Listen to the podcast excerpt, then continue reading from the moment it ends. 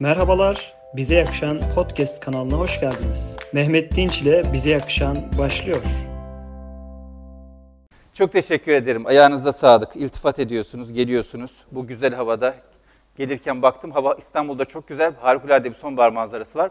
Dedim ki ben genç olsam gitmezdim herhalde dedim. Böyle gezerdim falan. Ama siz sağ olun.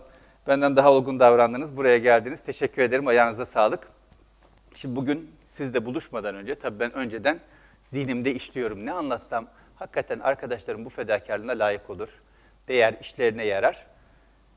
Ee, aklıma sizinle bugün iki şehrin hikayesini paylaşmak geldi. İki şehrin hikayesi dendiğinde aklınıza ne geliyor? Evet, Charles Dickens geliyor. Benim de aklıma geliyordu. Ben de iki şehrin hikayesi, Charles Dickens falan diye düşünüyordum. Sonra bir şey gördüm. Baktım ki başka bir iki şehir daha var. Onu da konuşmamız lazım geldiğini düşündüm. O iki şehir şu. İki tane şehir vardır diyor. Biri insanın içinde yaşadığı şehir, iki insanın içinde yaşayan şehir. Bir yaşadığımız şehir var, evet onu biliyoruz zaten. Bir de içimizde bir şehir yaşıyor. İçimizde bayağı şehir, bir şehir gibi kurulu, düzenli, sistemli, yapılı, güzel ya da çirkin, temiz ya da kirli bir şehir var. O şehri bir konuşmamız lazım diye düşündüm. Niye bunu düşündüğümü anlatacağım. Ama ondan önce madem Charles Dickens geliyor aklımıza, Charles Dickens'tan başlayalım. Biliyorsunuz onun İki Şehrin Hikayesi kitabı, edebiyat tarihinin en güzel başlayan kitaplarından, en dikkat çekici başlayan kitaplarından bir tanesi. Kitap şöyle başlıyor. Zamanların en iyisiydi, zamanların en kötüsüydü. Hem akıl çağıydı hem aptallık, hem inanç devriydi hem de kuşku. Aydınlık mevsimiydi, karanlık mevsimiydi. Hem umut baharı hem de umutsuzluk kışıydı. Hem her şeyimiz vardı hem hiçbir şeyimiz yoktu. Hepimiz ya doğruca cennete gidecektik ya da tam öteki yana. Bunu yazdığında Charles Dickens 1850'ler falan. Ama sanki bugün anlatıyor değil mi? Bugün de çok iyiydi sanki diye düşün ya da çok kötüydü. Kış ya da bahar, inançlılık ya da inançsızlık diye çokça konuşabileceğimiz, benzetebileceğimiz, aynı görebileceğimiz bir durum var. Dolayısıyla ben bunu gördüğümde aa aynen bugün anlatmış falan diye düşünüyorum ama bir yandan da dedim ki ya dünya hep aynı dünya, değişmiyor esasında. 1800'lü yıllarda aynıymış, 1500'lü yıllarda aynı, 1300 yıllarda aynıymış. Arayan her şeyi bulur. Arayan aydınlığı da buluyor, karanlığı da buluyor. İnancı da buluyor, inançsızlığı da buluyor, cenneti de buluyor, cehennemi de buluyor. Neye bağlı? Şu içinde yaşattığı şehri nasıl imar ettiğine, nasıl inşa ettiğine, nasıl ihya ettiğine bağlı. Ona geleceğiz. Ama önce içinde yaşadığımız şehir üzerine konuşalım istiyorum sizinle. Şehir önemli bir kavram. Bununla alakalı birkaç tane dikkatimi çeken paylaşım var. Onu sizinle e, konuşmak isterim. Bunlardan birincisi şu. Şehir insan hayatını düzenleyen, yönlendiren, çevreleyen ama aynı zamanda insan tarafından da biçimlenen en büyük yapıdır. Ve yine yerleşik e, şehir yerleşik hayata geçmenin en üst düzey ifadesidir. Şehir bir yönetim ve organizasyon içinde olmaktır. Zarafettir, güzelliktir, kolaylıktır, uygarlıktır. İnsan tini en iyi şehirde cisimleşir.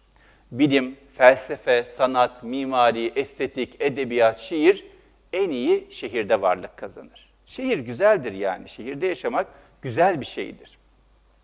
Ve nihayet Turgut Cansever Üstadımız Allah rahmet eylesin diyor ki, şehir ahlakın, sanatın, felsefe ve dini düşüncenin geliştiği, çevre olarak insanın bu dünyadaki vazifesini en üst düzeyde varlığın anlamını tamamladığı ortamdır. Bu idrak şehir biçiminin oluşmasını da sağlar ve insanın en üst gelişme düzeyine ulaşmasının temeli olur. Yani şehirde yaşamak bizi inşa eden, değiştiren, dönüştüren bir şey olması lazım. Nitekim Hacı Bayram Veli ne diyor? Diyor ki, Nagihan ol şara vardım, ol şarı yapılır gördüm, ben dahi bile yapıldım, taş toprak arasında. Şar şehir demek biliyorsunuz. Bir şehre vardım, o şehri yapılır gördüm, ben de o şehirle beraber yapıldım diyor. Hakikaten e, insan içinde yaşadığı mekandan, çevreden, iklimden etkilenir. O da yapılır. İzler vardır ruhumuzda.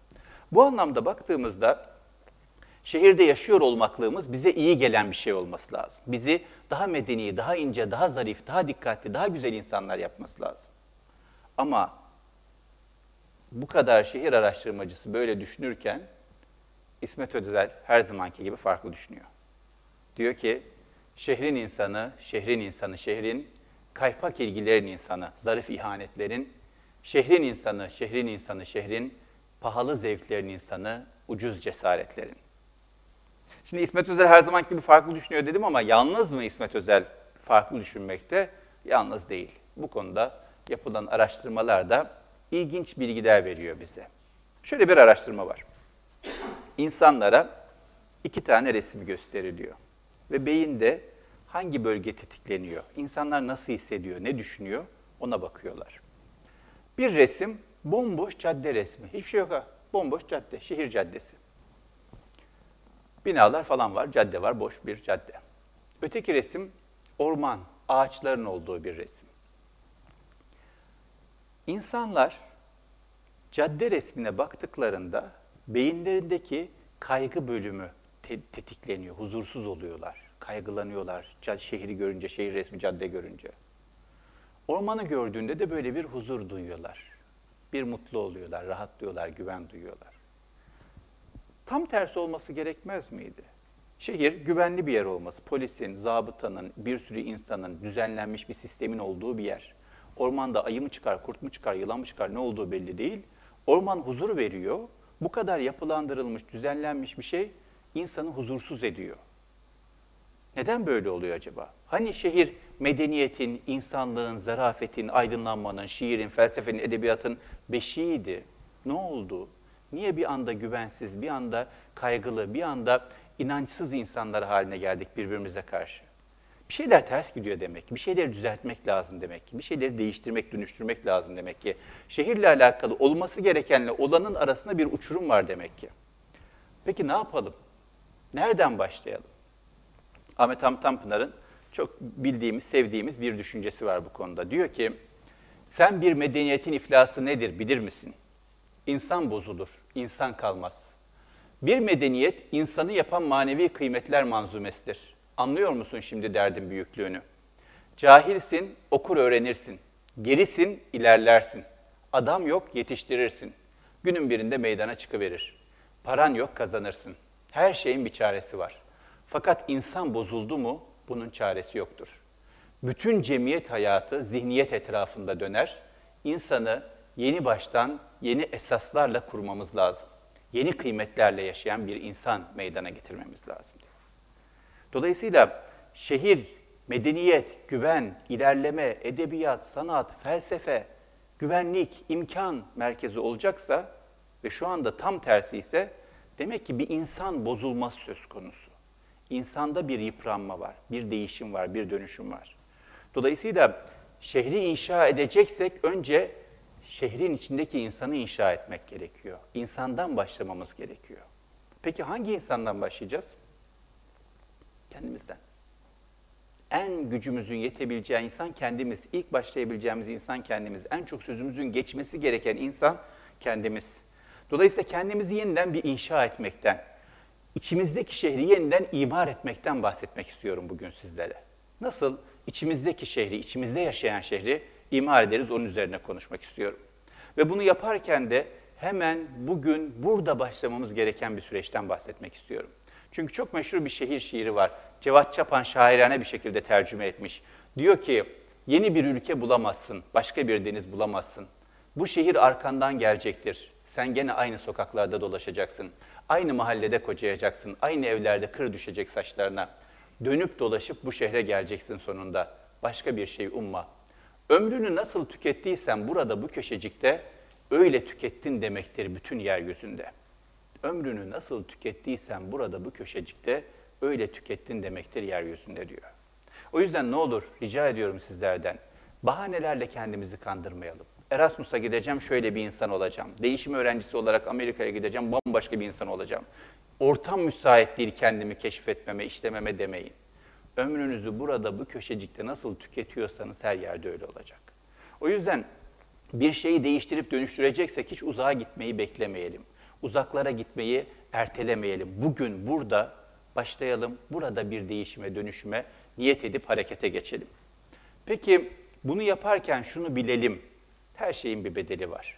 Ve iyi bir şeye talipsek bu zor olacak biraz, zahmetli olacak, emek isteyecek.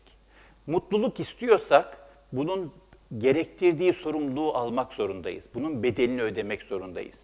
Bu dünyada sadece keyfini sürüp, sefasını sürüp cefasını çekmezsek olmaz. Böyle bir matematik yok. Biz kendi üzerimize düşen sorumluluğu almazsak bizim yerimize başkalarına yüklemiş oluruz. Bu da eziyet olur. Kim ister bunu? Başkaları bizim keyfimizin, mutluluğumuzun bedelini ödemiş olsun. Sömürgeci değiliz biz, olmayacağız, olmak istemiyoruz. Dolayısıyla kendi başımızın çaresine biz bakarız, kendi sorumluluğumuzu biz yükleniriz, kendi mutluluğumuzun bedeli neyse onu ödemek için hazır olmamız lazım. Dolayısıyla baştan bu işin bir bedeli var, bir zahmeti var, bunu bilmemiz lazım. Ama şöyle düşünün, her dönemin bir zorluğu var. Mesela bundan 50-60 yıl önce dedelerinizle belki konuştuğunuzda duyarsınız. Köy odasında bir tane kitap var, iki tane kitap var. İnsanlar devamlı o kitabı okuyor. Niye kitap yok ya? Yok kitap yok yani. Şimdi meşhur bir hoca, hoca var Süleyman Uludağ Hoca, profesör, önemli profesörlerden biridir Türkiye'de. Kastamonu'nun bir köyünde yaşıyor. Hayrettin Karaman Hoca oraya yazları ziyarete gidiyor. Her gittiğinde bir kitap götürüyor. Süleyman Hoca bütün sene o kitabı okuyor. Niye kitap yok yani? Yok. Bilgiye ulaşmak zor. Bilgili insana ulaşmak zor. O dönemin imtihanı oymuş. Okul yok, kitap yok, defter yok, bilgili insan yok. Ulaşamıyorsun yani. Şimdi siz parmağınızla dünyanın en bilgili adamlarının derslerini dinleyebilirsiniz. Dünyanın öbür ucundaki en bilgili adam, en muhteşem adamı duyabilirsiniz, düşün- irtibat kurabilirsiniz, yazabilirsiniz, iletişim kurabilirsiniz. Olur yani, böyle bir imkan var. Ama bu dönemin zorluğu ne? Bu dönemin zorluğu dışarıdaki dünyada ulaşma imkanlarımız değil, içeriye ulaşma imkanlarımız. Dışarıyla o kadar meşgul olduk, ki içeride bir şeyleri ihmal ettik, içeride bir şeyler kayboldu, yıkıldı, irtibat koptu, uzaklaştık. İçeriden çok haberimiz yok, içeride irtibat kesildi. O yüzden işte bir bedel ödeyeceğiz. Bu dönemin zorluğu da bu. Bu dönemin zorluğu bilgiye ulaşmak değil, bilgili, bilgili adama ulaşmak değil. Bu dönemin zorluğu içeriye ulaşmak. İçeriye bir ulaşmamız lazım.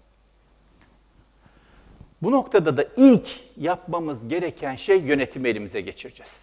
Bu şehir benim şehrim, içimde yaşayan şehir, yönetim de bende. Yönetim bende olduğu zaman sorumluluk da bende. Kimse bana karışamaz deyip özgürlüğümüzü ilan etmemiz lazım. İçeriye dair bir yönetimi elde etmemiz lazım. Düşüncemiz kimin düşüncesi acaba? Bizim mi gerçekten? İsteklerimiz, tercihlerimiz, sevdiklerimiz gerçekten bizim sevdiklerimiz, tercih ettiğimiz, istediğimiz şeyler mi? Bunları bir elekten geçirmemiz lazım. Bu noktada bir araştırmayı sizlerle paylaşmak isterim. Dünyanın en büyük kamu araştırmalarından bir tanesi. İngiltere'de 1960'lı yıllardan itibaren başlamış. Uzun sürmüş boylamsal bir çalıştırma. 2 milyon insan üzerine yapılmış. Araştırma şu. Kamu sektöründe çalışan insanlar nelerden mutsuz oluyorlar? Niye mutsuz oluyorlar? Hangi pozisyonda mutsuz oluyorlar? Öngörü şu. Kamu sektörü tabii ilerliyor. Ee, en riskli bölümdekiler, en sorumluluk sahibi olanlar, en çok imza atmak zorunda olup risk alanlar mutsuzdurlar, kaygılıdırlar herhalde. Araştırma uzun bir araştırma. Altını üstüne getiriyorlar bütün devlet kademelerinin. Netice şu, en çok sorumluluk alanlar değil, en riskli kararları verenler değil, en büyük işleri yapmak noktasında yük yüklenenler değil. Tam tersi insanlar daha mutsuz, daha umutsuz, daha kaygılı. Yani hiçbir inisiyatifi olmayanlar, hiçbir söz sahibi olamayanlar. Mesela kocaman yapıda en topun ağzındaki adam değil çaycı depresyonda. Niye? Yani yaptığı iş çok anlamlı gelmiyor ona. Çok inisiyatifi yok. Bir renk katamıyor. Çay götür, çay getir. Veya daha alt kademedeki yaptığı işe rengini veremeyen, kendi kararlarını seçemeyen, inisiyatif kullanamayan, o kararlarda bir fonksiyonu olmayan insanlar, işleri daha az olsa da, yükleri daha az olsa da, sorumlulukları daha hafif olsa da daha mutsuzlar, daha depresyondalar. Niye? İnisiyatifleri yok, karar verme güçleri yok, kendi renklerini katma imkanları yok. O yüzden insanın yaşadıklarıyla alakalı yönetimi alması eline, mutlu olması anlamında çok kritik, önemli bir nokta. O yüzden yönetimi elimize alacağız. İlk başta içerinin yönetimini elimize almamız lazım. Bu birinci adımımız. İçeride ne istiyorum, ne seviyorum, bu şehri kim yönetiyor, ben yönetiyorum. Bu bir. Buna bir karar vermemiz lazım. İkincisi yeniden inşaya niyet etmemiz lazım ve bunu bir ruhla yapmamız lazım, bir enerjiyle yapmamız lazım. Bu enerji konusunda da çok kararlı, çok istekli, çok inançlı olmamız lazım. Bakın Ahmet Hamit Tanpınar diyor ki, cetlerimiz inşa etmiyorlardı, ibadet ediyorlardı. maddeye geçmesini ısrarla istedikleri bir ruh ve imanları vardı. Taş ellerinde canlanıyor, bir ruh parçası kesiliyor diyor. Bir enerjiniz olursa, bir isteğiniz, bir ruhunuz, bir idealiniz, bir ümidiniz, bir heyecanınız olursa taşa bile geçer o. Nerede kaldı ki içimize geçmesin, içimize yerleşmesin, içimize yayılmasın.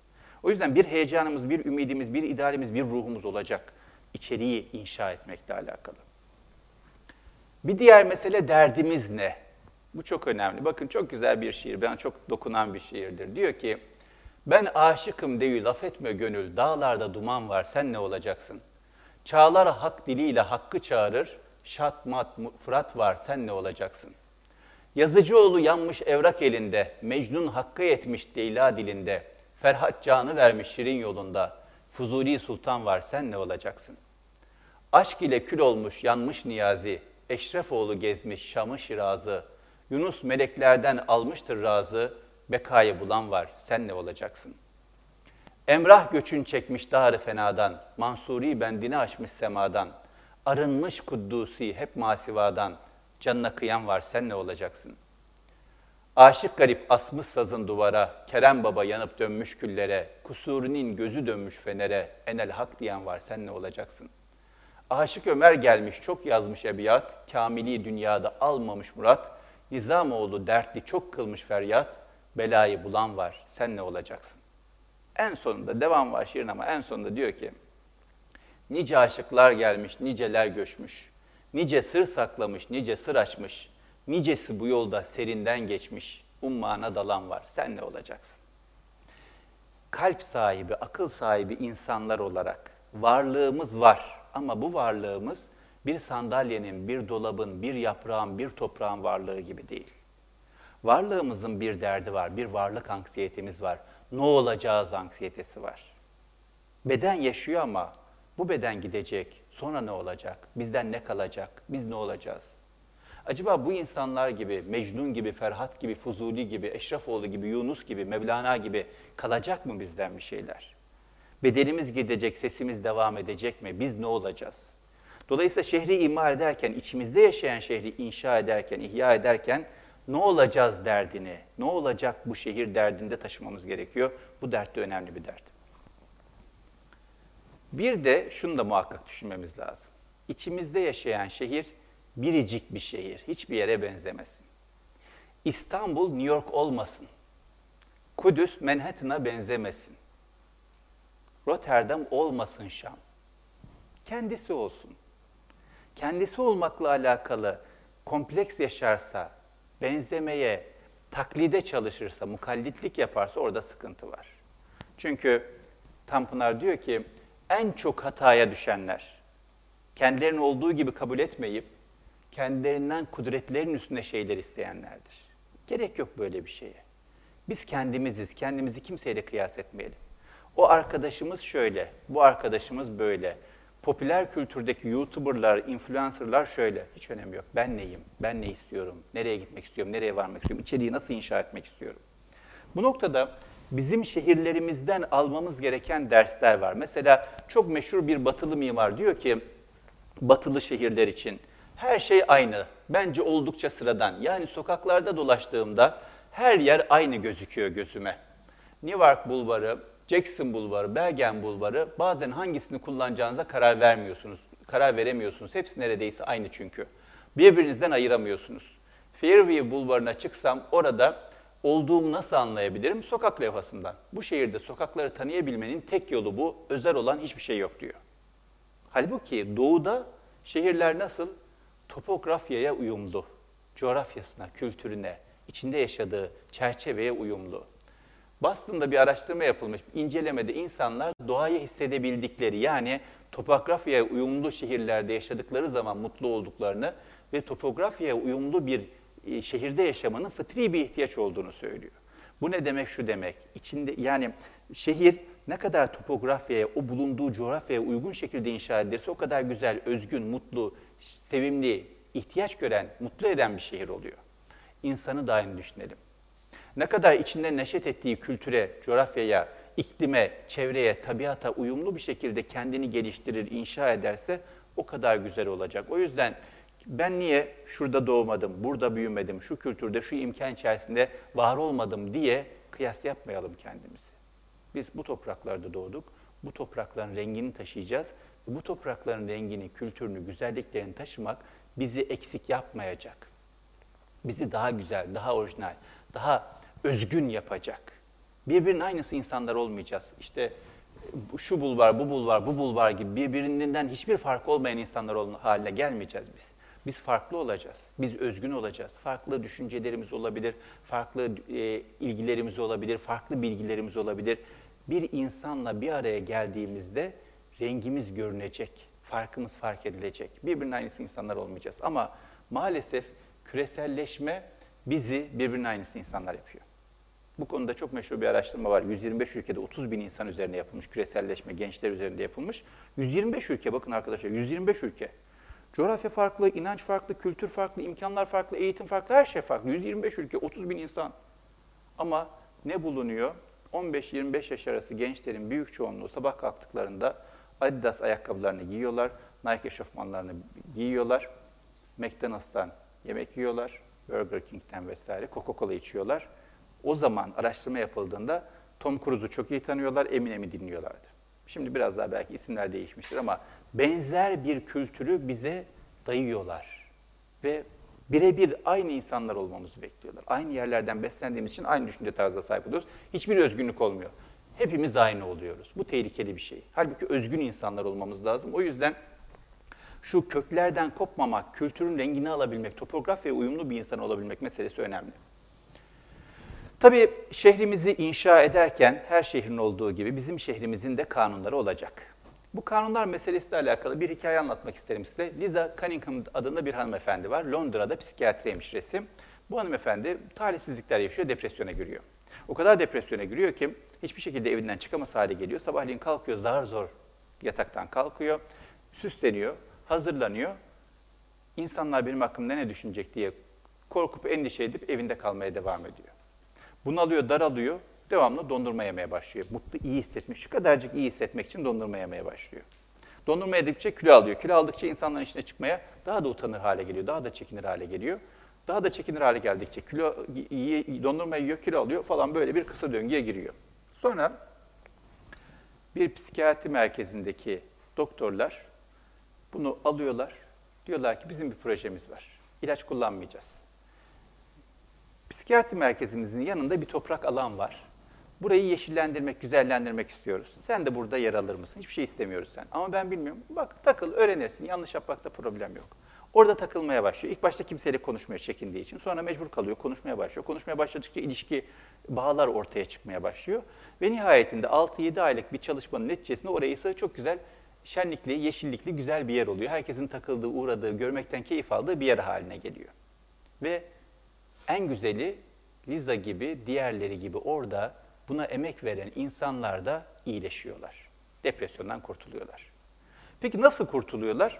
Bunun sırrını şöyle anlatıyor. Diyor ki, doğayı değiştiremiyorsun. Bunu bil. Hayatı değiştireyim, her şey çok güzel olsun, hiç zorluk olmasın, hep istediğim gibi gitsin. Olmuyor bu. Doğayı değiştiremezsin. Çünkü hava durumunun işi bu, mevsimlerin işi. Sen bir şeyler ekiyorsun, ya tutuyor ya tutmuyor. Bunu nasıl yapacağını öğrenmen gerekiyor. Sabır göstermeyi öğrenmen gerekiyor. Çabuk çözüm yok çünkü. Hemen olmayacak. Bir bahçe oluşturmak zaman, enerji yatırımı ve bağlılık istiyor.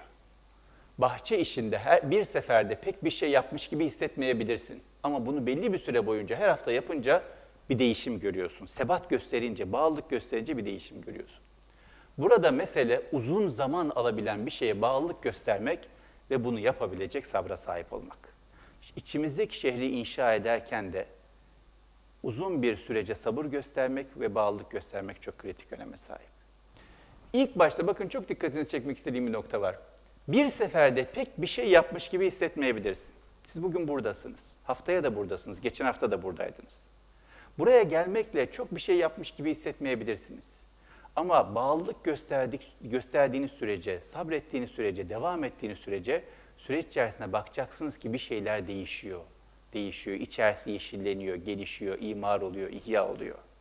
O yüzden kanunlar belli, Sabredeceksiniz, emek vereceksiniz, bağlılık göstereceksiniz, olacak. İlk başta olmayacak ama zaman içinde olacak. Yeter ki sabredin. Tabii değerler de olması lazım. Kanunları kapsamaz değerler ama değerler olur mu? Olur. Değerler konusunda da Belkıs İbrahim Hakkıoğlu var. Erzurumlu İbrahim Hakkı Hazretleri'nin torunuydu. Burada da misafir oldu. Üyemiz. Aynı zamanda burada da misafir oldu zannediyorum. Ee, Erzurumlu İbrahim Hakkı Hazretleri'nin torunlarından. Diyor ki bizim büyüklerimiz yani İbra- Erzurumlu İbrahim Hakkı Hazretleri'nin torunları şu değerlerle yaşardı. Riya olmayan yerde gıybet olmuyor diyor. O yüzden onlardan kimsenin arkasından tek bir laf duymadım diyor. Bir yanlış görseler hemen düzeltmeye çalışır, hemen insanın yüzüne söylerlerdi. Bir de sevmedikleri adamlara karşı zinhar ağızlarından bir muhabbet lafı dökülmezdi. İki yüzlülük yok asla. Münakaşaya girmezlerdi mesela. Uzakta tuttukları insan da ne kadar çabalasa bir adım yaklaşamazdı. Bizim şehrimizin de değerlerinde bunlar olsa ne kadar rahatlarız. Gıybet yok. Gereksiz adamlarla münakaşa yok. Değerlerimizden dolayı uzakta tuttuğumuz adamı menfaatlerimizden dolayı yaklaştırmıyoruz.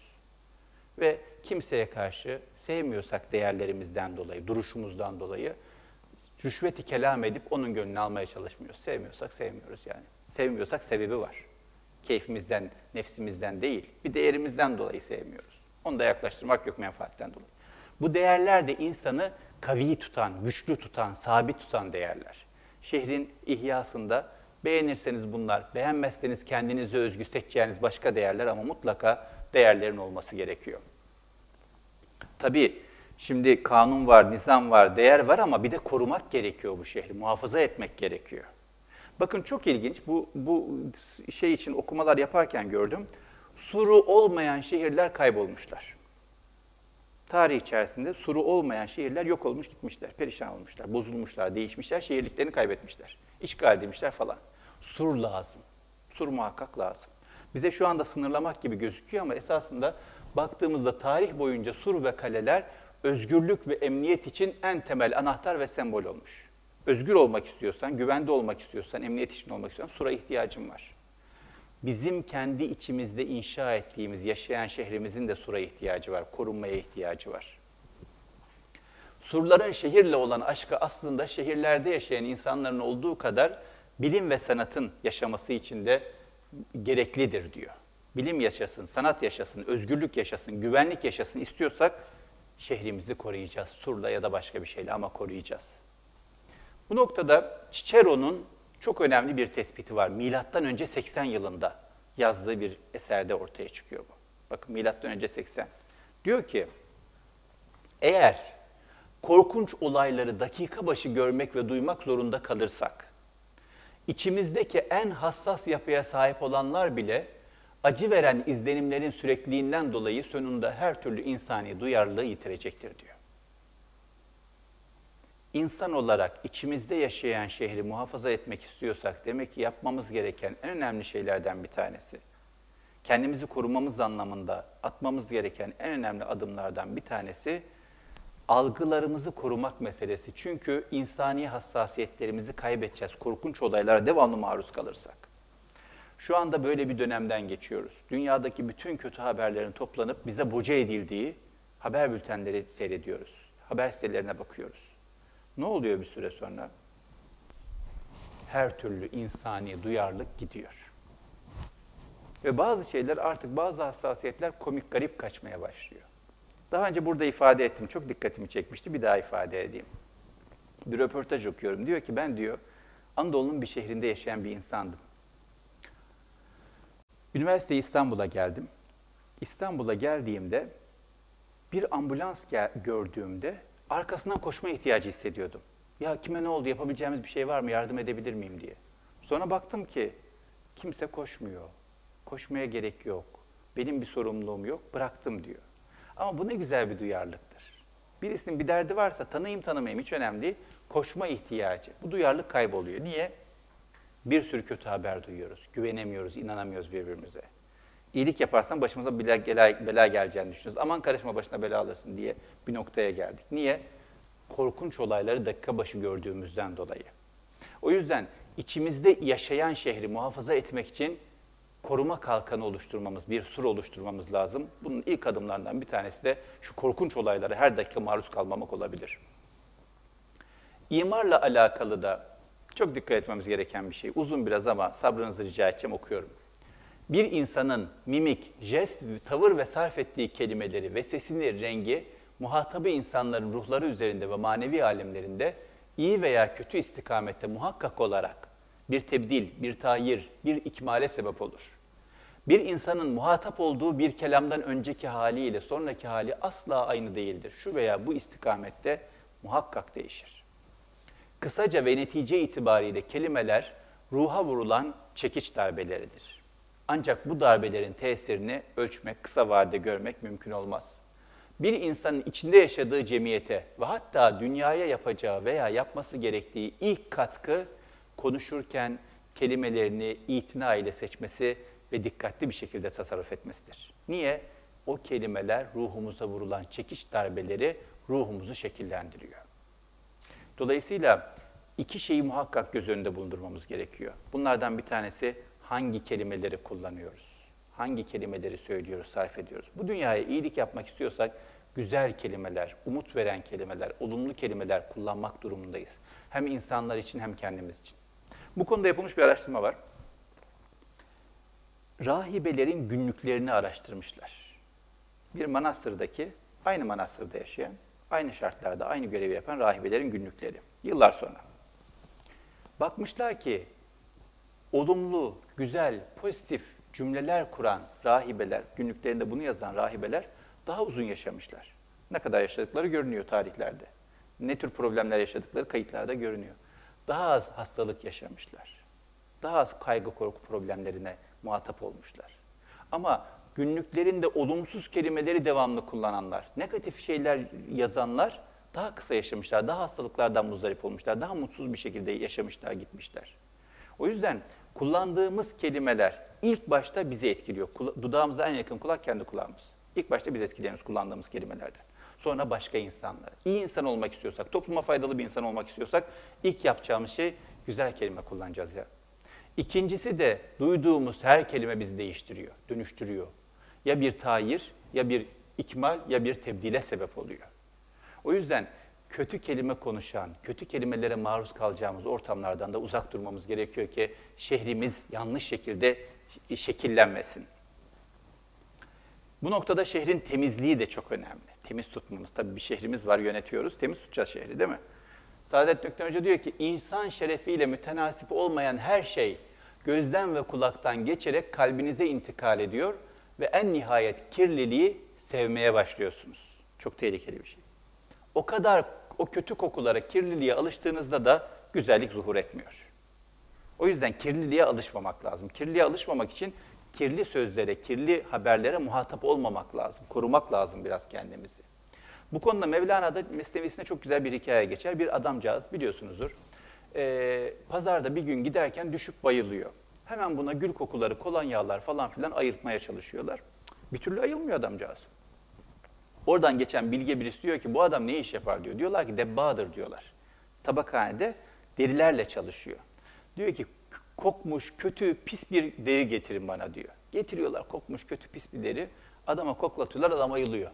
Niye? Alışık olduğu koku, onun aşina olduğu, onu ayıltan koku, gül kokusu falan bir şey ifade etmiyor ona. O yüzden kendi içimizde yaşayan şehre bir bakalım. Hangi kokuya alışkın, hangi renge alışkın, hangi görüntüye alışkın? Hangi gö- görüntülerle, kokularla, renklerle besliyoruz onu? Bu temizlik anlamında da sorumluluğumuz var içimizde yaşayan şehre. Yiğitlik de çok önemli, cesaret de çok önemli, kahramanlık da çok önemli tabii. Peki içimizde yaşadı, yaşayan şehrin yiğitliği nasıl olur? Kemal Sayar Hoca cevap veriyor buna. Diyor ki, sahicilik hali aslında sözü ortama göre eğip bükmemek, kendin olma cesaretini gösterebilmek, kalabalığın sürüklendiği yere doğru akıp gitmemek, tek başına kendi yörüngemizde kendimiz dönebilmek, hayallerimize ve değerlerimize sahip çıkma ve bir içsel bütünlüğe ulaşmak demek. Yani kısacası kahramanlık, yiğitlik, gözüpeklik insanın kendi hakikatine sahip olmasına saklar. Akıntıya kaptırmamasında. Bir şeyler için değerlerinden, duruşundan hassasiyetlerinden vazgeçmemesinde, doğrularından vazgeçmemesinde saklı. Yiğitlik zor bir şey. Yiğitlik mücadele ister. Yiğitlik tehlikeyi göze almak demek. Bunların hepsiyle karşılaşacağız. Aslımıza sadık kalmak için tehlikeyle karşılaşacağız. Zorluklarla karşılaşacağız ama yiğitlik tam bu noktada devreye giriyor. Kolay olsa herkes yapar. Kahraman olmak için zora talip olmak, zorun üstesinden gelmek lazım. İnsanın aslına sadık kalması en zor iş bu dönemde. O yüzden içimizde yaşayan şehrin yiğitliğini güçlendirmek istiyorsak bunu yapmaya çalışmamız gerekiyor. Şehrin eserleri ne olacak? Alayında Batın önemli bir adam, güzel kafası değişik çalışan bir adam. Diyor ki neden yazı yazıyorsak aynı amaçla bina inşa ediyoruz. Bizim için önemli olan şeyleri kaydetmek amacıyla. Bizden bir şeyler kalsın. Eser inşa ediyoruz, bina inşa ediyoruz. Bizim için önemli olan şeyleri kaydediyoruz. İçeride hangi eserler var? İçeriği nasıl inşa ettik, ihya ettik, imar ettik? İçeriye nasıl yatırım yapıyoruz? Bir düşünelim. Zor bir soru ama düşünmemiz gerekiyor. Burada çok önemli bir paylaşımda bulunacağım size. Bu son dönemlerde beni en çok etkileyen bölüm oldu okuduğum kitaplar arasında. Çok etkilendim. Turgut Cansever merhum İsmail Kara'ya bir gün diyor ki, iki tane resim gösteriyor. Diyor ki, İsmail Bey, bakın bu fotoğraf Mimar Sinan'ın yaptığı resimlerden bir tanesi, mescitlerden bir tanesi. Görüyorsunuz duvarlarda, taşların diziliminde, üstte yer alan hat istiflerinde bir sıkıntı, bir sıkışıklık, bir belirsizlik, adeta bir kabz hali var. Hareketlerde de öyle. Ama bu fotoğraftaki mescitte Mimar Sinan'a ait yaklaşık 20-22 sene sonra yapılmış. Görüyorsunuz burada da taşların ve çizgilerin hareketlerinde büyük bir rahatlama, sükunet var. Hat istifleri, tezyinat da öyle. Adeta bir bast hali var. Bunun tesadüfi olması hiçbir şekilde mümkün değil. İki eser var, ikisini de aynı adam yapmış. Bir tanesi de inanılmaz bir sıkışıklık, huzursuzluk, kabz hali var. Bir tanesi inanılmaz bir genişlik, sükunet, bast hali var. Bu tesadüfi olamaz diyor. Sorusu şu, siz diyor e, tarihi falan biraz biliyorsunuz diyor. Bana anlatır mısınız o dönemde ne oldu da Mimar Sinan bu kadar rahatladı, ferahladı, genişledi? Hayatında ne değişti Mimar Sinan'ın diyor. Ben kendime şunu aldım bu hatıradan. Eserlerimiz bize dair çok şey söylüyor. Bir duvar diyorsunuz ama o duvarı yaparken ruhunuz hangi durumda, kaps halinde mi, bast halinde mi, ferah mı, huzursuz mu gösteriyor kendini. Her işimizde, her sözümüzde, her duruşumuzda, her davranışımızda, her ilişkimizde ruhumuz kendini gösteriyor. Ehline malum. Ben anlamam. İki resmi görsem aa ne güzel ikisini bir Mars'tan yapmış derim. O kadar bilgim. Turgut Cansever anlıyor. Diyor ki bunda bir huzursuzluk var diyor. Bunda bir huzur var diyor. Bizim davranışlarımızda da, ilişkilerimizde de, hareketlerimizde de ehli anlayacak bu adam huzursuz bir adam. Bu adam çok huzurlu bir adam. Ama ehli önemli değil. Biz anlıyor muyuz? Eserlerimize yansıyor, işimize yansıyor, davranışlarımıza yansıyor. İçimizdeki huzur yansıyor mu? Yoksa huzursuzluk mu yansıyor? Gerginlik mi yansıyor? Rahatsızlık mı yansıyor? Acayiplik mi yansıyor? O yüzden bizden çıkan şeyler, davranış, hareket, ilişki, iletişim ya da somut bir eser nasıl çıkıyor? Huzurlu mu çıkıyor, huzursuz mu çıkıyor? İçeride neler oluyor da dışarıya nasıl yansıyor? Bunu da bir düşünmemizde fayda var diye düşünüyorum. Geçtim. Ee, bu da çok önemli bir araştırma. Sizinle paylaşmak istediğim bir araştırma. Ee, Bradford, Berkeley Üniversitesi'nde önemli bir araştırma. Berkeley Üniversitesi önemli bir üniversite dünyada. Bu da önemli bir araştırmacı. Şunu merak ediyor. Mutlulukla alakalı insanın bir derdi var. Bu dert konusunda insan harekete geçtiğinde, inisiyatif aldığında, adım attığında, mutlu olmak için bir şeyler yaptığında mutlu oluyor mu? Yoksa mutluluk bir kıvamdır. İnsan bir şey yapsa da yapmasa da hayatın akışında mutlu olur mu? Ya da bir şey yapsa da yapmasa da hayatın akışında mutlu olamaz mı? Bunu merak ediyor. Araştırmayı okurken ben de merak ettim. Acaba ne oluyor diye. Sizce hangisi? İnsan, buyurun. Birincisi, insan mutluluk için adım attığında, inisiyatif aldığında mutlu olur diyorsunuz. Böyle düşünmeyen var mı? Var. Buyurun efendim. Üstüne düşündükçe daha çok kaçırıyoruz mutluluğu. Çok düşünmemek, biraz akışına bırakmak gerekiyor. Mu? Doğru mu anladım? Olabilir. Pekala. Şimdi iki tane görüş var. Bir tanesi mutluluk için bir şey yaptığınızda, inisiyatif aldığınızda, harekete geçtiğinizde, adımlar attığınızda mutluluğunuz artar, mutlu olursunuz. Bir tanesi de üzerine düşündükçe daha fazla kaçıracağınız bir şeydir. Peşine koşmayın, akışına bırakın, mutlu olursunuzdur. Araştırma sonucu ne? Amerika'da insanlar mutlulukları için bir şey yaptıklarında mutlulukları değişmiyor. Ama Rusya, Tayvan ve Japonya'da değişiyor. Nasıl oluyor bu? Şöyle oluyor. Amerika'da kültür öyle bir kodlamış ki insanları mutluluk için bir şey yapmak söz konusu olduğunda insanlar kendileri için bir şey yapıyorlar.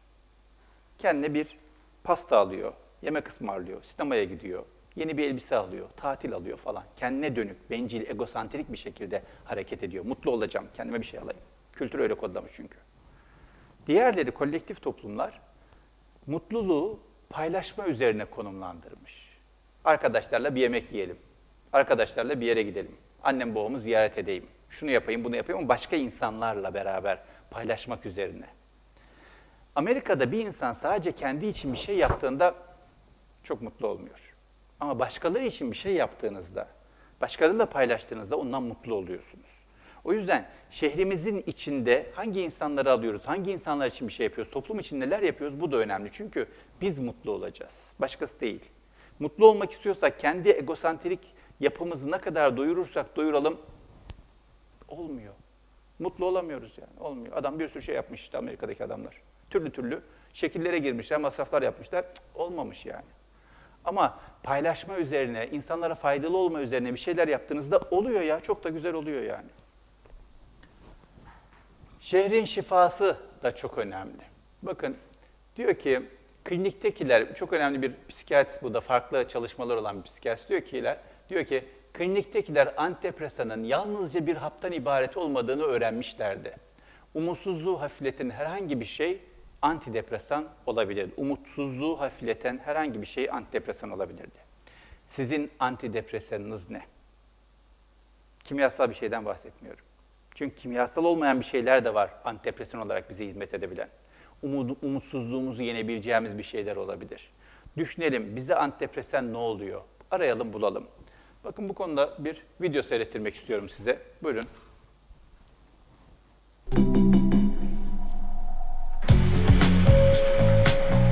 Traditional healing is also taking hold here, in one of the last places I'd expect Hello. the hospital. Uh, as a cardiac surgeon, all our patients go to intensive care. Before I arrived here, this patient underwent open heart surgery, and Dr. Cernmez and John are overseeing his recovery. The aftermath is extremely painful, and they're closely monitoring his vital signs. This patient has high blood pressure and too much heart rate. He's in agony. Like cardiac patients in the States, this man is given powerful narcotics to numb the pain.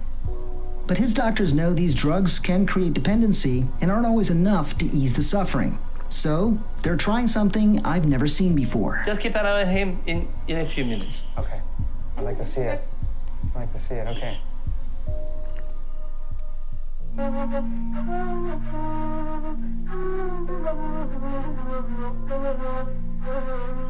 Music therapy has very old roots here in Turkey.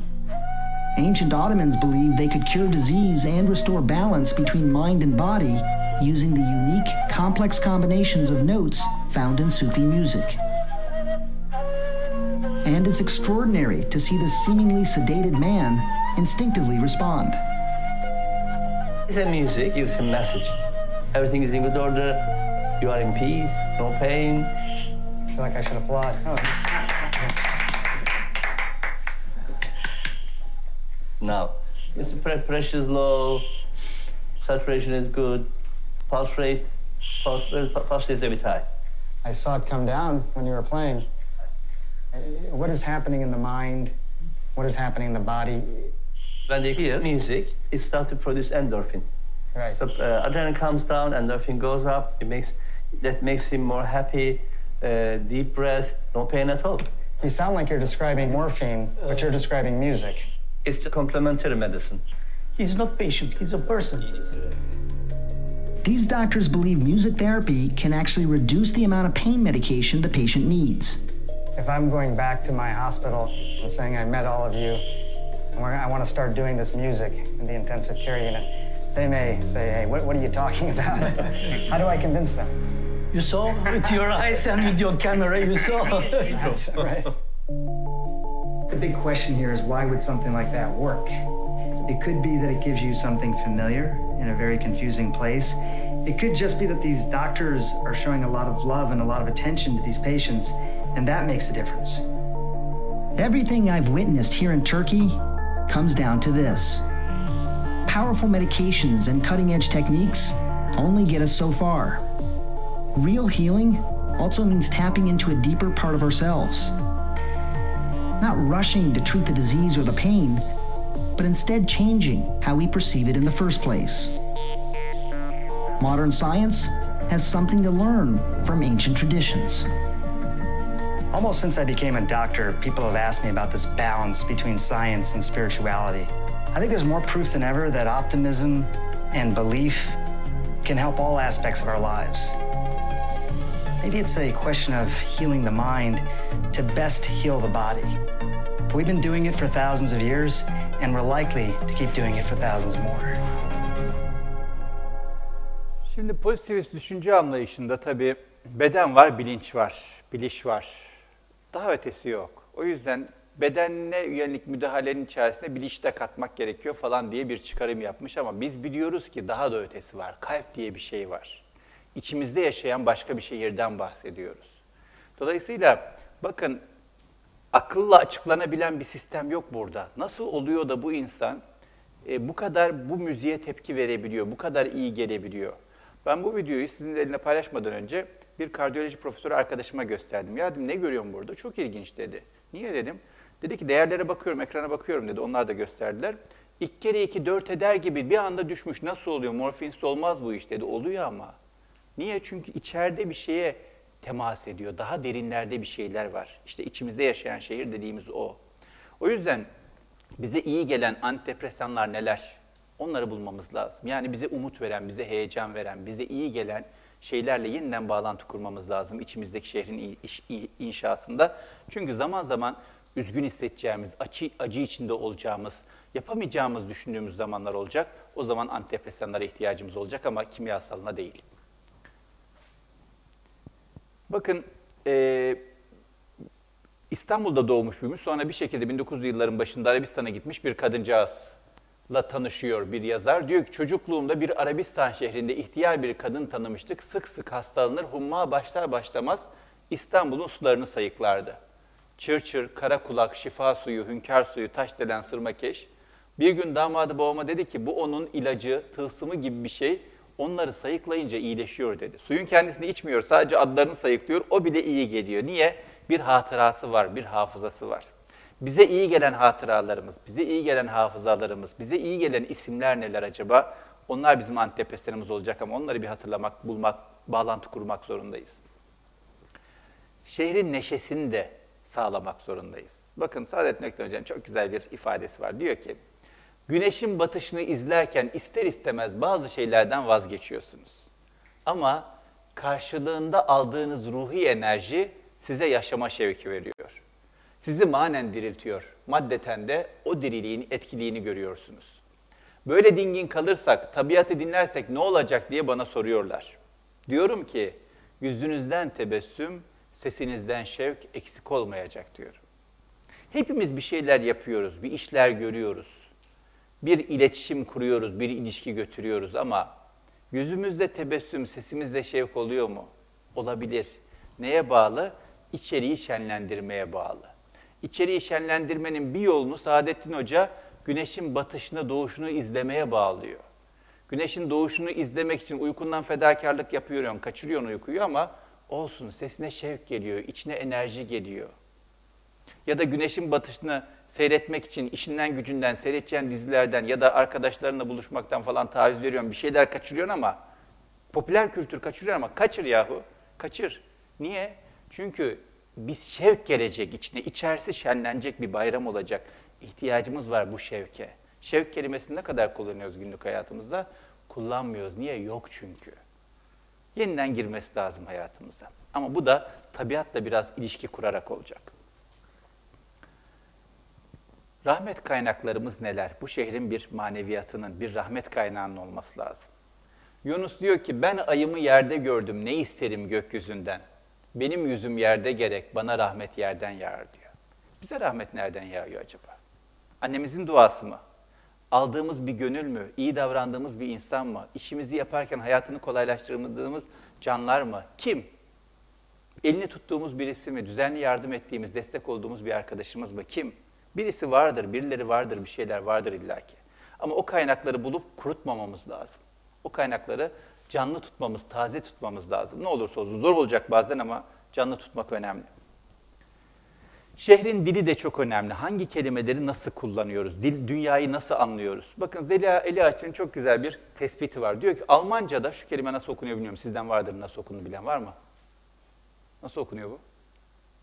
Yok.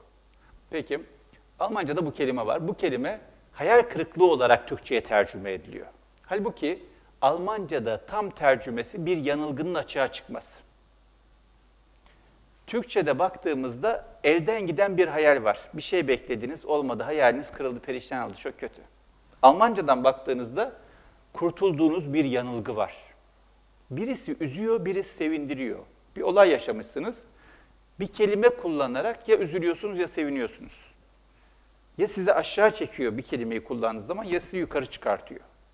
Hangisini kullanacağız? Beklentilerimiz olmadığında, hayallerimiz kırıldı, perişan olduk mu diye düşündük, düşüneceğiz. Yoksa aa bir yanılgıdan kurtuldum, oh çok iyi, bir daha bu yanılgıya düşmem mi diyeceğiz, yukarı mı çıkacağız? Nasıl algıladığımız, nasıl bir dil geliştirdiğimiz içeride önemli. Buna da dikkat etmemiz gerekiyor. Şehrin uluları da önemli. Diyor ki bir şehrin önce uluları görünür diyor. Beş şehirde Ahmet Hamdi Tanpınar. Ne demek? İstanbul dediğimizde aklımıza gelen simgeler, semboller, insanlar var. Süleymaniye var, Ayasofya var, Selimi, şey, e, Sultanahmet var, Eyüp Sultan var, Aziz Mahmut Hüdayi var, Fatih Sultan Mehmet var. Var yani bir uluları var. Bizim şehrimizin uluları kimler acaba? Olması lazım. Onları bilelim, onları bulalım, onlarla irtibat kuralım. O da önemli. Geçtim. Bunları biraz geçiyorum vaktim daraldığı için. Tasarım çok önemli. Tasarım, zevk çok önemli. Bakın şu resmi ne zaman görsem üzülürüm. Ülkemizden bir merdiven korkuluğu. Aynı yerde zamanla aşınmış, değiştirilmiş. 1937'de yapılırken böyle yapılmış. Sonra bir arıza çıkmış, burası kopmuş. 1987'de tamir edilmiş, böyle devam etmiş. 2017'de bu noktaya gelmiş. Bu kadar teknoloji gelişirken, imkan gelişirken, şu derin zevkten, şu zevksizliğe, düzlüğe nasıl düştük ya? Bu nasıl kütük gibi hiçbir şey ifade etmeyen bir şeydir yani. Şurada bir zarafet, bir incelik, bir emek, bir dikkat, bir ilgi var. Burada da hiçbir şey yok. Bomboş bir şey yani. Görünce rahatsız olacağınız bir şey. O yüzden yaptığımızı zarafetle, sanatla, ilgiyle, dikkatle, sevgiyle yapmamız çok önemli. Bir iş yapacağız. Hangi işi yapıyorsak yapalım. Hangi işi yapıyorsak yapalım. Şöyle mi olsun, böyle mi olsun? Şöyle mi yapalım, böyle Ya ikisi de ihtiyacı görüyor. İkisi de ihtiyacı görüyor ama şöyle mi görsün, böyle mi görsün ya? Dün oğlumla bir albüm var evde. O albüme bakıyoruz. Chicago şehrinin albümü. Şehirde baktığımızda devasa binalar, gökdelenler falan var. O alanı takip ediyorum. 8 yaşında ellerinizden öper böyle ufak küçük. Neye dikkat ediyor diye. O gökdelenleri böyle çeviriyor. Ama bir pencerenin altında bir detay varsa, bir süs varsa, bir tasarım varsa, bir desen varsa ona bakıyor bu neymiş falan diye. Dikkatini çekiyor, çeker. Bakmaktan keyif alıyor, mutlu oluyor. Resmini, resmini yap dedim bir tane. Resim seç, onun resmini yap. Onu seçiyor resmini yapmaya. Dümdüz, kütük gibi gökdelenlerin değil. Niye? Çünkü emek verilmiş, tasarlanmış, güzel güzel bir sanatla yapılan şeyler yapmak da insana keyif verir, bakmak da insana keyif verir. O yüzden hayatımızda hangi işi yapıyorsak yapalım, bir tasarımla, bir e, dikkatle, bir e, zevkle yapmak lazım. O zaman ne oluyor? Tanpınar diyor ki mucizeler oluyor diyor mucizeler. Ah bu eski sanatkarlar ve onların her dokundukları şeyi değiştiren en eski bir unsurdan yepyeni bir alem yapan sanat mucizeleri diyor. Biz de içerimizde bir sürü mucizeye çevireceğimiz eserler üretebiliriz. Yeter ki bir dikkatimiz, bir hassasiyetimiz olsun. Çok uzattım, geçiyorum. Ee, evet. Sonra ne olacak? Vakit geçtiği için hızlı geçtim bazılarını. Sonra ne olacak? Bakın Bedir Rahmi Eyüboğlu'nun çok güzel bir şiiri var. Diyor ki, sana büyük şehirlerden bahsedeceğim. En büyük camiler orada kurulur, en küçük mezarlar orada kazılır. En kara yazılar orada dizilir. Büyük şehirlerde yalan söylenir tosunum. Halbuki küçük köylerin mezarlığı bile yoktur. Büyük şehirlere bağla- bağlanma Mehmet'im. Öyle bir şehre yerleş ki küçük fakat bizim olsun. Sokaklarında tanımadığın yüz, ensesine şamaratamayacağın kimse dolaşmasın. Her ağacına elin, her karış toprağına terin değsin. Ve kuytu evlerden birinde senden habersiz ölenler olmasın. Çevremizle, etrafımızla, yaşadığımız yerle, yaşadığımız yerin insanıyla, ağacıyla, taşıyla, kedisiyle, köpeğiyle, kuşuyla, böceğiyle ilişki kurarak, haberdar olarak, görerek, görünerek kurduğumuz bir şehirden bahsediyor. Böyle bir şehirde yaşayalım diyor. Ne yapalım, taşınalım mı? Hayır. Burada, nerede isek, her nerede isek, bulunduğumuz yerde etrafımızdan haberdar olalım. Derin ilişkiler kuralım. Çok insanı az tanımak yerine az insanı çok tanıyacağımız bir sistem kuralım. Bu dönemin şöyle bir güzelliği var. Yönetimi elimize aldığımızda, kendi hayatımızın yönetimini elimize aldığımızda biraz mücadele etmemiz gerekebilir, biraz gayret etmemiz gerekebilir, bir şeylerden geri kalmamız gerekebilir, hiç önemi yok, geri kalabiliriz. Ama kendi sistemimizi kurabiliriz kendi değebileceğimiz, dokunabileceğimiz, ilişkiler kurabileceğimiz, hayatlarını değiştirebileceğimiz insanlara ulaşabiliriz. Ve çok şey değiştirmek gücümüz, imkanımız bugün hiçbir zaman olmadığı kadar daha fazla var. Ama bunun için ne gerekiyor biliyor musunuz? Şu kararlılıkta olmamız gerekiyor. Bu kararlılık nedir? Milattan önce Romalı senatör Marcus Porcius Cato diye bir adam varmış. Bu adamcağız senatör Roma'da toplantılarda, programlarda konuşuyor. Tahılla alakalı bir konuşma yapılıyor. Diyor ki, kanaatimce diyor, sözün sonunda, şu, şunu okuyabilen var mı Latince? Ben okuyamıyorum. Böyle bir Latince söz var. Şu ilk başı artık diplomatik dilde bir şeyi ısrarla istemenin sembolü olmuş. Birisi bir şeyi ısrarla isteyeceğiz ama o ifadeyi Latince olarak kullanıyormuş. Çünkü bu adamcağız, bakın milattan önce yaşayan bir adam ilham olmuş yüzyıllarca, bin yıllarca insanlara ısrarıyla, inadıyla. Israrı şu, tahılla ilgili konuşuluyor. Evet bütün bunlar çok önemli, şunu yapmamız lazım, bunu yapmamız lazım. Son söz olarak şunu da söylemem lazım ki Kartaca yıkılmalıdır diyor. Kartaca diye bir memleket var, düşman. Onu yıkmamız lazım diyor. Başka bir şeyden bahsediliyor. Evet diyor bu konular çok önemli, bununla alakalı bunu yapmamız lazım, şunu yapmamız lazım ama neticede Kartaca'yı yıkmamız lazım diyor. Başka bir konu konuşuluyor. Tamam diyor, bunlar konuşalım, bunları değerlendirelim ama şunu da bilelim ki Kartaca yıkılmalıdır diyor. Her lafı dönüyor, dolaştırıyor, getiriyor Kartaca yıkılmalıdır'a. Neticede Kartaca yıkılıyor. Bu ısrarla, bu inatla, bu sebatla. Dolayısıyla size teklifim şu, çok uzattım. Netice bütün bu anlattıklarım bir yere çıkıyor. İki şehirde yaşıyoruz. Bir, içinde yaşadığımız şehir. iki içimizde yaşayan şehir. İçinde yaşadığımız şehri, içimizde yaşayan şehir etkiliyor. İçimizde yaşayan şehri de içinde yaşadığımız şehri et, şehir etkiliyor.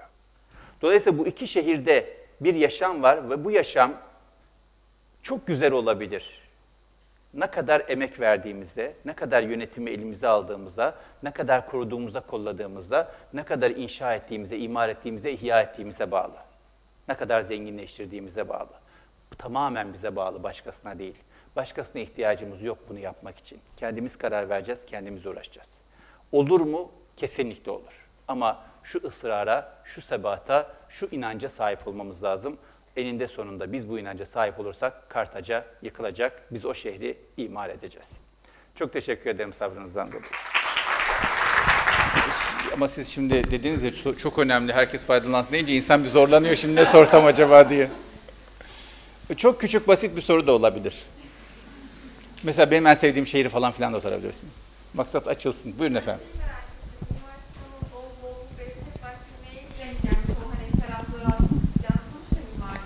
Hani Cevabını bulamamış.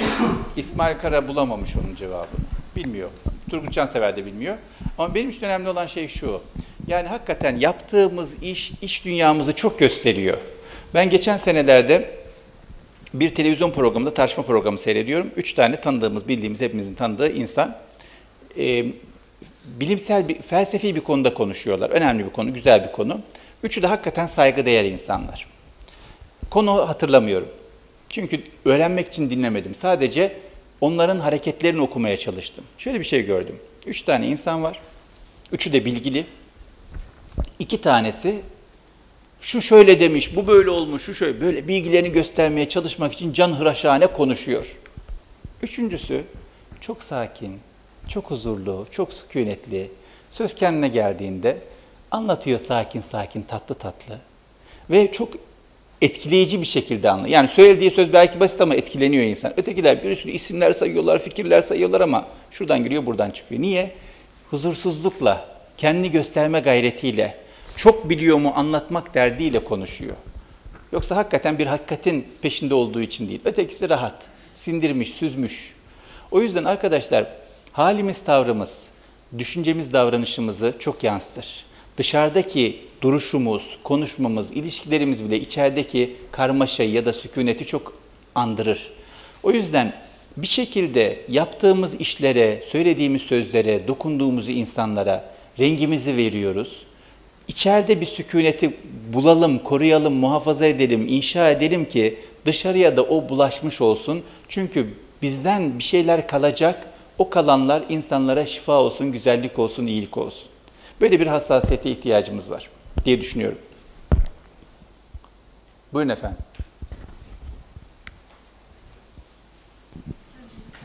Böyle arkalardan soru gelince çok mutlu oluyorum çünkü e, ister istemez arkaları ihmal ettiğimiz zamanlar olabiliyor. Yani ben bazen çok böyle irtibat kuramadığımı hissediyorum. O yüzden soru geldi mi tamam diyorum irtibat kurmuşuz güzel.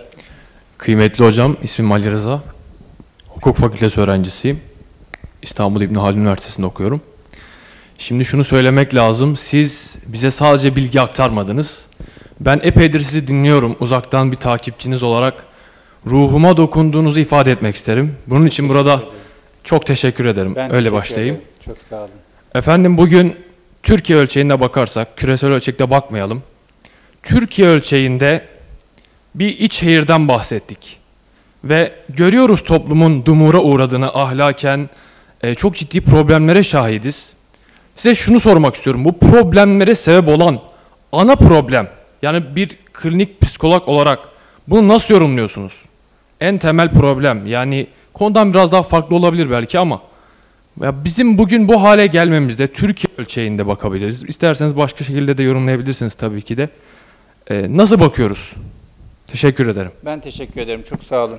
İlk iltifatlarınız için de çok mutlu oldum. Yani yaptığım bir işe yarıyorsa benden mutlusu yok. Çok sağ olun, var olun. Ee, ikinci mesele şu. Doğrusu ben başta bu Charles Dickens'tan örnek verdim ya. Yani adam iki tane şehir anlatıyor. Bir tanesi korkunç, bir tanesi çok iyi. Bugün de öyle. Yani dünyanın, kainatın bir dengesi var esasında. Ve bu dengenin içerisinde büyük resme baktığımızda korkunç bir durumda değiliz aslında. Dünya tarihinde hiç olmadığı kadar uzun bir zaman dünya savaşı olmamış. Çok ilginç. Hiç bu kadar uzun bir dünya savaşı olmadığı, barış dönemi olduğu yok dünyada. Çok uzun süreli bir barış döneminden geçiyoruz şu anda. Son 30 yılda 5 yaş altı ölümlerin %70 azaldığını biliyoruz. Bu harikulade güzel bir şey. Son 30 yılda yine açlık sınırındaki insanların sayısı 1 milyar 800 binden 7, milyondan 700 milyona düştü. Affedersiniz 1 milyar 800 binden sözelci olduğum anlaşılıyor. 700 bine düştü. İnanılmaz bir düşüş var. Yani fiziki imkanlar anlamında çok ilerleme var. Çok daha fazla sayıda insan elektriğe kavuştu, yola kavuştu, iletişim imkanlarına kavuştu vesaire vesaire vesaire. Ama sizin dediğiniz de çok önemli. Buna karşılık fiziki imkanlar çok artarken, eğitime daha fazla insan ulaşırken, okuryazarlık inanılmaz hızlı bir şekilde artarken, imkanlar çok geniş bir şekilde çoğalırken öbür taraftan baktığımızda insanların huzursuzluğu çok artmış durumda. Mutsuzluğu çok koyulaşmış durumda. Ne oluyor da böyle oluyor? Benim gördüğüm, anladığım şu. İki tane büyük meselemiz var. Bir tanesi kendimize kötü bakıyoruz. Psikolojik anlamda zayıf zayıfız. Niye zayıfız? Kendimize kötü baktığımızdan, itina göstermediğimizden, içimizdeki şehri ihmal ettiğimizden dolayı. Yönetimi bizde. Bizim bu hayat, bizim bu ömür, bizim bu beden, bizim bu zihin, bizim bu kalp. Sahip çıkmıyoruz ama. Birbirimizin aynısı insanlar olduk. Aynı şekilde besleniyoruz. Aynı şeyleri takip ediyoruz. Aynı şeyleri seviyoruz. Belki sevmiyoruz ama bize dayanıla, dayatılan şeyleri kabul ediyoruz, alıyoruz. Kendi tercihlerimizi kullanmak konusunda biraz zafiyetimiz var. Kendi hayatımıza sahip çıkma noktasında aciz kalıyoruz veya zayıf duruyoruz. O yüzden geçen ayki konuşmamızda bunu ben istedim başlığıyla konuştum. Yani bunu ben istedim diyebileceğimiz ve arkasına durabileceğimiz tercihlere ihtiyacımız var. O kararlılığa, o sebata, o inanca sahip olmamız lazım. Bu birinci meselemiz. İkinci meselemiz şu. Kendimize kötü baktığımız için, eee, iyi bakmadığımız için, düşündüğümüzden, inandığımızdan emin değiliz. O kadar inanamıyoruz, o kadar güvenemiyoruz, o kadar sağlam duramıyoruz isteklerimiz noktasında, tercihlerimiz noktasında. Şurası çok şey biliyor, burası çok karmaşık. Ne istediğini bilmiyor, nereye gittiğini bilmiyor. O yüzden de her ne kadar içimizde iyilik tohumları saklı olsa da onları cesaretle savunma gücümüz olmadığı için kötüler ve kötülükler çok görünür oldular, çok normalleştiler, çok büyüdüler, çok var görünüyorlar. O kadar varlar mı? Yoklar. Bakın kötülük ve kötülük, kötüler o kadar fazla olsalar, o kadar yaygın olsalar, dünya hakikaten haber bültenlerinden ibaret olsa bugün şurada gönül rahatlığıyla bu kadar insan toplanamayız. Muhakkak kötüler bir kötülük yaparlar bu toplantıya. Sokağa çıkıp yürüyemeyiz. Muhakkak kötüler sokakta biz yürürken bir kötülük yaparlar yani. Ama kötülük bu kadar yaygın değil. Kötüler bu kadar çok değil. Sadece çok görünürler, çok sesleri çıkıyor. Onların bu kadar görünür olması, bu kadar seslerin çıkmasında en temel sebebi bizim ne istediğimizden, niye istediğimizden biraz habersiz olmamız. Biraz kendimize karşı özensiz olmamız, kendimize kötü bakmamız. O yüzden kendimize iyi bakarsak, şu içimizdeki şehri imar konusunda inisiyatif alırsak, yönetimi tekrar ele geçirirsek ben çok şeyin çok düzeleceğini düşünüyorum. Ve bu noktada bizim neslimize oranla sizin neslinizin çok daha güçlü ve ümit var olduğunu düşünüyorum. Ben hep arkadaşlarla konuştuğumda, kendi akranlarımla konuştuğumda şunu söylüyorum. Diyorum ki biz bizden sonraki nesil için ne kadar güçlü, ne kadar iyi, ne kadar ulaşılabilir bir basamak olursak o kadar iyi olacak. Çünkü onlar çok yukarılara çıkacaklar. Ben çıkmayacağım. Bizim dönem böyle bir dönem.